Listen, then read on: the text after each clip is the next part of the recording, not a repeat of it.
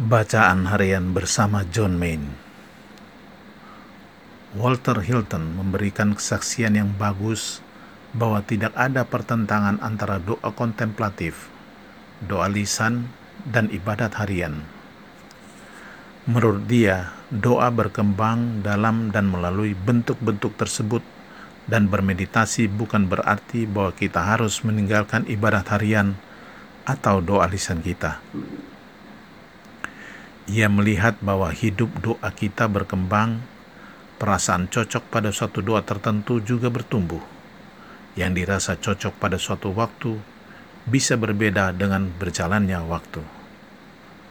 Semua bentuk doa ini saling melengkapi, asal dilihat dengan tepat, yakni sebagai jalan masuk ke dalam doa Yesus yang kekal abadi.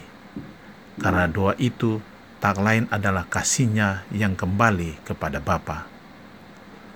Setiap saat dalam hidup kita, semua bentuk doa yang berbeda-beda ini berkumpul menjadi satu, bagaikan aliran-aliran sungai menuju ke samudra. Doa-doa ini mengikat kita untuk semakin erat dengan Tuhan Yesus.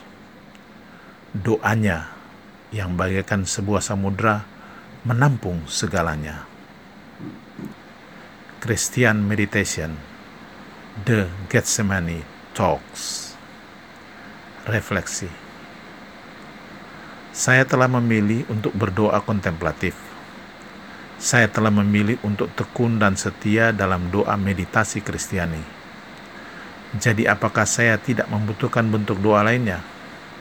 Apakah dalam kehidupan doa saya, saya hanya cukup dengan berdoa dalam satu kata doa saja? Bukankah dalam meditasi Kristiani kita berdoa untuk meletakkan semua pikiran kita, termasuk pikiran yang paling kudus, termasuk diri kita sendiri? Jadi untuk apa saya berdoa dengan metode doa yang lain, seperti doa lisan, doa rosario, doa koronka, ibadat harian? Bukankah bentuk doa lain mencakup di dalamnya suatu pikiran atau keinginan untuk menghasilkan sesuatu? Pater John Main mengatakan bahwa tidak ada pertentangan antara doa kontemplatif dengan bentuk doa lainnya. Semua bentuk doa ini saling melengkapi, yakni sebagai jalan masuk ke dalam doa Yesus yang kekal abadi. Karena doa itu tak lain adalah kasihnya yang kembali kepada Bapa. Dalam hal ini ada beberapa hal yang perlu kita perhatikan.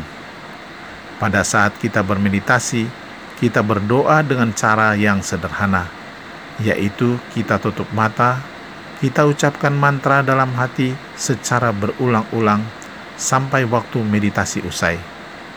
Kita tidak berpikir, tidak bernalar, tidak berhayal. Hanya itulah yang kita perlukan saat bermeditasi.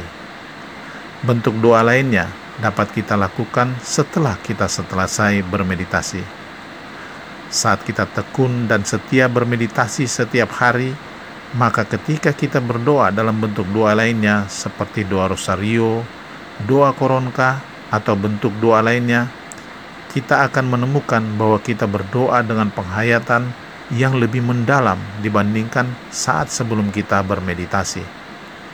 Kita akan mampu untuk duduk diam dan hikmat saat mengucapkan doanya. Tuhan memberkati.